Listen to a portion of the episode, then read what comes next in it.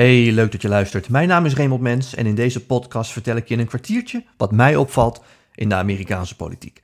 En dat doe ik vooral door al jullie ingestuurde vragen te beantwoorden, dus blijf die vooral opsturen, erg leuk. Maar eerst wat je volgens mij moet weten. En dat is dat Trump steeds meer tegengas vanuit zijn eigen partij krijgt. Begrijp me niet verkeerd hoor, Trump staat nog steeds ontzettend sterk. Zowel als je kijkt naar 2024, hè, wie er een kans maakt op de Republikeinse nominatie en zelfs om weer president te worden. Als je kijkt naar de belangrijkste stroming in de Amerikaanse politiek, uh, als je kijkt naar wie echt de touwtjes in handen heeft in de Republikeinse Partij en ook bepaalt wat de belangrijke thema's zijn, ja, dan is Trump nog steeds uh, van mega groot belang. Maar wat je tegelijkertijd ziet, is dat een aantal bepalende figuren in de Republikeinse Partij, zowel zittende als oud-politici, dat die in toenemende mate kritiek op Trump hebben. Uh, het gebeurt niet heel veel, maar het gebeurt wel steeds meer. En het gaat met name over dat ene heikele onderwerp, toch die grote smet op Trumps presidentschap, namelijk 6 januari en wat er toen allemaal gebeurd is. En dat kwam natuurlijk in het nieuws toen Mike Pence, zijn voormalige vicepresident, vorige week zei. Moet je luisteren, Trump zegt wel steeds dat ik die verkiezingsuitslag uh, had kunnen veranderen, maar dat is helemaal niet zo. Hij zei daar dit over. I heard this week that President Trump said I had the right to overturn the election. But President Trump is wrong. I had no right to overturn the election. The presidency belongs to the American people and the American people alone. And frankly, there is no idea more un American than the notion that any one person could choose the American president. Ja, duidelijke taal. Op zich um, heeft Pence dit natuurlijk al duidelijk gemaakt hè, dat hij dit vindt. Want hij was de man, misschien zelfs wel de enige man, die in de Trump-machine niet meewerkte op 6 januari. En zei: Joh, ik kan deze uitslag niet veranderen. En ik laat me ook niet wegjagen uit het uh. Ook al zijn er mensen inmiddels binnengedrongen die zeggen: laten we Mike Pence ophangen. Ik blijf in dit gebouw. Ik wil niet dat de rest van de wereld ziet dat ik hier met gierende banden wegrijd. Ik blijf hier en we gaan Biden officieel uh, tot president uh, uitroepen. En uh, daarmee heeft hij natuurlijk eigenlijk al laten zien dat hij ook helemaal niet dacht dat hij die verkiezingen kon veranderen. En dat hij ze ook niet wilde veranderen. En toch voelt hij zich genoodzaakt om dit nog een keer te zeggen. En het is een keiharde breuk met Trump. Trump was ook heel boos op hem. En de vraag is natuurlijk, waarom doet hij dit nu? Nou ja, daar kun je verschillende scenario's op loslaten. Als Pence weer president zou willen worden, ja, dan heeft hij toch al ruzie met Trump. Dus dan kan hij maar beter op dit punt duidelijk een breuk forceren en zeggen: joh, als je nou van het Trumpisme houdt. En alle ideeën van Trump, ja, dan ben ik eigenlijk hè, vier jaar lang zijn uh, oliemannetje geweest. Kies dan op mij, dan krijg je het Trumpisme, maar zonder dat lelijke randje. Zonder die verschrikkelijke dingen die we op 6 januari zagen. Zonder die hele maffiaclub eromheen. Dus ik ben eigenlijk de nette versie van Trump. Je kan ook uh, redeneren dat Mike Pence inmiddels al heeft gedacht van ja, ik word geen president meer. Dat is een uh, gelopen race. Dan kan ik maar beter ook eerlijk zijn en duidelijk zeggen wat ik hiervan vind. In ieder geval krijgt hij veel steun uh, in de partij uh, door deze uitspraak. En een van de eerste mensen die hierop reageerde was Chris Christie, oud-gouverneur van New Jersey, een goede vriend van president Trump. Maar die heeft ook duidelijk op dit ene thema afstand genomen van Trump. En op ABC News reageerde hij op de uitspraken van Mike Pence. I think that the actions the vice president took on January 6th spoke loudly, and I'm glad he's finally put words to it. I don't know why it took him so long, but I'm glad that he did. Um, and let's face it, let's call this what it is. January 6th was a riot that was incited by Donald Trump uh, in an effort to intimidate Mike Pence and the Congress into doing exactly what he said in his own words last week overturn the election. Now, he's tried to do a cleanup on aisle one here um, and correcting that stuff, but it's not going to change. He actually told the truth by accident. He wanted the election to be overturned. Ja, en Christie verkeert in goed gezelschap. Er is gewoon een select clubje Republikeinen. Hoe zal ik ze nu eens typeren? Uh, misschien wel. Ze zijn niet allemaal uh, uh, uit de politiek, maar een, eh, een, clubje die toch behoort tot de traditionele, ja dat is het, de traditionele eh, vleugel van de partij. De echte uh, traditionele republikeinen die een kleine overheid voorstaan, die een groot leger willen, die ook willen dat dat leger optreedt als politieagent in de wereld als het nodig is. Zeg maar de republikeinen die zich heel erg vereenzelvigen met president George W. Bush bijvoorbeeld. Daar valt Mike Pence onder, daar valt Chris Christie onder, maar daar valt ook Mitch McConnell onder, de leider van de republikeinen in de Senaat in november, als er congresverkiezingen zijn geweest, misschien wel weer de leider van de Senaat überhaupt, omdat de Republikeinen uh, misschien wel de meerderheid daar gaan uh, krijgen. Die heeft heel goed samengewerkt met Trump de afgelopen vier jaar, maar ook op dit punt zegt hij dat kan echt niet. En ook hij reageerde op de uitspraken van Mike Pence, waar dan weer iedereen op reageerde. En hij ging met name in op het feit dat de Republikeinen in het Huis van Afgevaardigden het tegenovergestelde van Mike Pence hebben gezegd. Die hebben gezegd, eh, dat kun je eigenlijk niet zeggen wat Mike Pence zegt. En wij leggen hierbij officieel vast, er is een stemming over geweest, dat wat er op 6 januari gebeurde, dat dat onder wat zij dan noemen legitimate political discourse valt. Met andere woorden, dat was gewoon onderdeel van het publieke debat. En dat was geen terroristische aanslag of zo, zoals heel veel andere mensen zeggen. Dus die hebben echt afstand genomen van Mike Pence, maar ook van uh, Adam Kissinger en uh, Liz Cheney, die de enige twee republikeinen in het Huis van Afgevaardigden zijn, die ook in die 6 januari-commissie zitten en dus onderzoeken wat daar precies gebeurd is en met name kijken naar wie is daar nou politiek voor verantwoordelijk. Dus als een reactie op hun, maar ook Mike Pence en al die anderen die toch op dat punt afstand nemen van Trump, heeft de Republikeinse Partij in het Huis gezegd: ja, maar moet je luisteren, eh, dat was gewoon een publiek debat wat daar misschien een beetje uit de hand liep, maar het was gewoon wel onderdeel van het publieke debat. Nou, en daar reageerde Mitch McConnell dan weer op vanuit zijn rol als leider van de Republikeinen in de Senaat. Well, let me give you my view of what happened January the 6th. And we're all we're here. We're here. We, we, we saw what happened.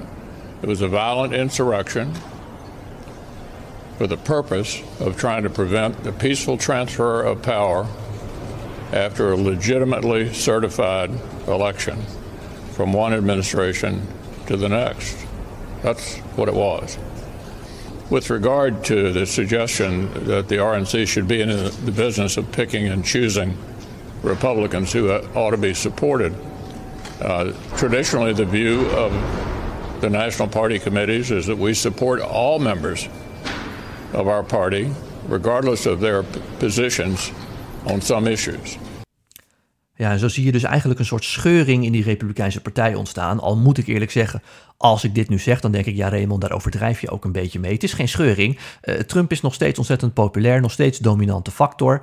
Uh, ik zei ook net hè, dat in het Huis van Afgevaardigden vrijwel alle Republikeinen zeggen van, ja, maar uh, wat er toen op die dag gebeurde, ja, was misschien niet netjes, maar moet kunnen. Uh, dus een scheuring is een te groot woord, maar je ziet wel dat er bij een aantal mensen een soort uh, lef is ontstaan van, nou ja, op dit punt kunnen we afstand nemen van Trump. Dat zegt twee dingen. Dat zegt dat Trump dus nog steeds populair is, want ja, als alleen maar op 6 januari ze hem durven af te vallen. En als het ook nog eens allerlei mensen zijn die op leeftijd zijn en dan wel uit de politiek zijn, dan wel de leeftijd van Mitch McConnell hebben in de 70 en die denkt van ja, ik zeg gewoon wat ik vind. Uh, dan zegt dat misschien ook niet zo heel veel. Tegelijkertijd kan het ook een eerste stap zijn om te kijken van uh, in hoeverre kunnen we afstand nemen van Trump op deze en misschien andere dossiers. En kunnen we daar ook politiek gezien mee wegkomen? Want als dat zo is, dan kunnen we Trump misschien achter ons laten. En het valt ook in een bredere discussie in de Republikeinse Partij. En zelfs uh, Trump-aanhangers zeggen dat. Van joh, we moeten kappen met het praten over 6 januari alsof dat iets heel goeds is. Sterker nog, het beste kunnen we helemaal nooit meer over janu 6 januari praten. En hopen dat de Amerikaanse kiezer het maar een beetje vergeet. Want het is geen issue waar we op kunnen winnen. Dus ze zeggen ook tegen Trump. Hou daar nou je mond over. Stop daar nou over. En blijf nou niet steeds zeggen dat je gewonnen had in 2020. Maar ga vooruitkijken naar 2024 hè, en, en praat over hoe je Amerika op één plaatst en hoe je dat weer wil doen bijvoorbeeld. Dus dat is op zich interessant. En wat is nu het meest interessante? Blijft het bij deze kleine groep ja, toch George W. Bush-achtige republikeinen? Of zijn er een aantal andere, uh, bijvoorbeeld presidentskandidaten, hè? Ron DeSantis uit uh, Florida, maar ook Nikki Haley, oud-gouverneur van South Carolina en ook uh, vertegenwoordiger van de Verenigde Staten bij de Verenigde Naties onder Trump. Dat zijn namen die worden genoemd om mee te doen aan het presidentschap. En als zij ook op dit punt afstand nemen van Trump, en misschien wel op een aantal andere punten, dan is er het begin van een soort kleine scheuring. Uh, waarbij steeds meer republikeinen proberen te kijken van oké, is dit nu het moment dat we afstand kunnen nemen van Trump of is dat nog steeds te vroeg? En daarom is dit interessant dat Trump steeds meer tegengas krijgt vanuit zijn eigen partij. En de vraag is dan natuurlijk, blijft het hierbij of zetten ze door? Maar dat moeten de komende maanden uitwijzen. Goed, tot zover mijn kijk op de actualiteit. En nu naar de vragen die jullie instuurden via Twitter en Instagram Even kijken. een paar vragen deze week. de eerste van Bart. meent Pence wat hij zegt of wil hij er politiek gewin uitslaan? Nou, goede vraag Bart, want eigenlijk hebben we dat net behandeld. Ik denk dat op dit niveau uh, het uiteindelijk allemaal politieke afwegingen zijn. En die kun je dus op twee wegen beredeneren. Daar heb ik het net over gehad. Pence kan denken, joh, ik ga toch uh, uh, niet meer terugkomen in de politiek. Ik zeg wat ik vind. Of Mike Pence denkt, joh, ik kan alleen maar terugkomen in de politiek als ik me hier duidelijk over uitspreek. Dus ik zeg wat ik vind. Kan allebei. maar ik denk wel dat Pence daar een politiek gewin mee probeert uit te slaan. En als ik moet kiezen, denk ik eerlijk gezegd dat Pence nog wel weer proberen om president eh, te worden. Wie de hele speech van Pence heeft eh, gekeken, zag ook dat hij, ja, hij zei wel dit en dat viel bij heel veel mensen in goede aarde. Maar hij zei er bijvoorbeeld ook direct, direct achterna, uh, joh, en ik vind het belangrijk dat we dit gezegd hebben, omdat ik ook niet wil dat Kamala Harris bijvoorbeeld over drie jaar, als zij die verkiezingen van ons verliezen, in één keer toch die uitslag gaat wijzigen. Dus hij bracht het ook wel erg politiek. En dat doet mij er in ieder geval van overtuigd zijn dat Pence wel degelijk probeert om die Trump-aanhang bij hem te houden. Maar dat hij denkt, ja, op dit punt wil ik een clean uh, maken. En dat kan ook, hè, wat ik zei. Dan zegt, Trump, dan zegt Pence gewoon, ik ben Trump, maar dan zonder de smet van 6 januari. Want dat hoor je wel bij heel veel republikeinen, dan wel binnenskamers, dan wel publiekelijk. Ze zijn heel erg tevreden over hoe Trump het gedaan heeft. Ze zijn ontzettend blij met de agressieve wijze waarop hij uh, in de media actief was en waarop hij uitstraalde van ik ben president. En ze zijn ook heel erg blij met alle dingen die hij ook echt bereikt heeft. Uh, qua plannen. Hè. Kijk naar wat er bij de grens gebeurd is. Kijk bij, naar het, het aanwijzen van hoogrechters bijvoorbeeld, belastingverlagingen. Maar die 6 januari, dat is toch een smet op zijn presidentschap. En als dat nou niet gebeurd was, dan was het een van de grootste presidenten geweest die we ooit gehad hebben, zeggen zij. Maar 6 januari. Dus dat blijft een heikel punt. Ziet Mike Pence ook, dus ik denk dat hij dat wel degelijk incalculeert. Marcel. Vorige week zei je dat Biden geschiedenis gaat schrijven met een nieuwe hoge rechter. Nou, dat klopt. Uh, zit zijn approval rating nu in de lift? Nou, niet echt. Uh, dat komt om door twee redenen. Uh, de inflatie is nog steeds een groot probleem. Amerikanen zijn gewoon heel veel meer geld kwijt als ze producten kopen of hun auto vol tanken. Dus dat maakt je als president niet populair. Uh, tegelijkertijd oogt Biden nog steeds, ja, zoals Biden de afgelopen jaren oogt, namelijk fragiel. En ik zei net, Trump was iedere dag aanwezig, sterk op televisie ook. Iedere dag vertelde hij wel wat hij deed. En je hoort ook wel in de Democratische Partij dat ze zeggen: nou ja, Biden heeft niet eens heel weinig gedaan het eerste jaar. Heeft veel banen zijn er gecreëerd onder hem, heeft veel plannen uh, door het congres gekregen. Maar we horen hem er nooit over. Sterker nog, we horen hem bijna nooit. Dus die kritiek is nog steeds erg groot. En zijn approval rating, dus het aantal Amerikanen dat zegt: wij steunen hem, dat ligt nog steeds rond de 40%. Dus niet erg hoog. Uh, Tamara, wanneer starten de presidentsverkiezingen van 2024 nou echt? Nou ja, uh, als Mike Pence, hè, wat hij net deed, als dat ook wel een politieke calculatie was voor een mogelijke campagne, dan zijn ze dus eigenlijk al begonnen. Maar meestal zie je dat presidentsverkiezingen echt beginnen na de congresverkiezingen. Als de Republikeinen het goed doen in november en de macht in het congres overnemen, uh, dan zul je zien dat uh, grote namen, denk ook weer aan Mike Pence, denk ook weer aan Chris Christie, maar ook weer uh, Ron DeSantis, de gouverneur van Florida, dat die naar Iowa gaan, naar New Hampshire en gaan kijken hoe groot de steun voor hun echt is. En ja, daar hebben we hem weer.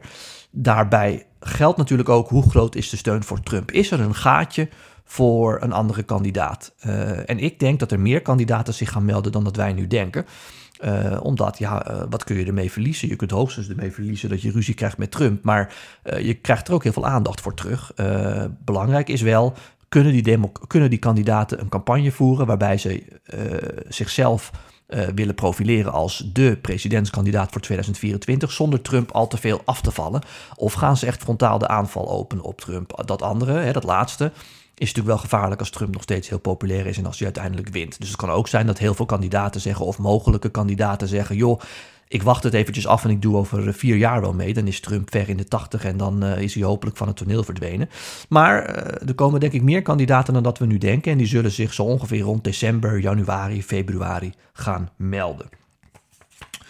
Uh, laatste vraag van iemand die geen naam heeft meegegeven. Uh, ik zou graag eens een non-politieke vraag beantwoord willen zien. Welke locaties zijn volgens jou echt een aanrader om in de USA te bezoeken? Ja, dat zijn er veel uh, natuurlijk. ik zal er twee noemen. Erg onderbelicht vind ik altijd is een staat als Wyoming. Uh, schitterende staat, uh, veel mooie prairies, ontzettend mooie nationale parken. Ligt dicht bij Yellowstone National Park. Uh, een erg conservatieve staat, maar wel een hele rijke staat. Dus, dus een hele fijne staat om daar gewoon vakantie te vieren. Je kunt daar echt de natuur in gaan, maar je kan ook een mooie combinatie maken tussen nou ja, mooie ranches en nationale parken bezoeken, maar ook gewoon in mooie lotjes logeren. Dat is één. Ja, en twee, ik heb zelf gestudeerd in Virginia, in Charlottesville. En dat is echt een schitterende staat. Ik weet dat Charlottesville negatief in het nieuws is geweest natuurlijk door die rellen hè, ehm, over die standbeelden. Maar het is een heel slaperig, rustig studentenstadje midden in de Blue Ridge eh, Mountains. Ontzettend leuk om eens heen te gaan. De University of Virginia, ooit gesticht door Thomas Jefferson, ook heel mooi om te bezoeken.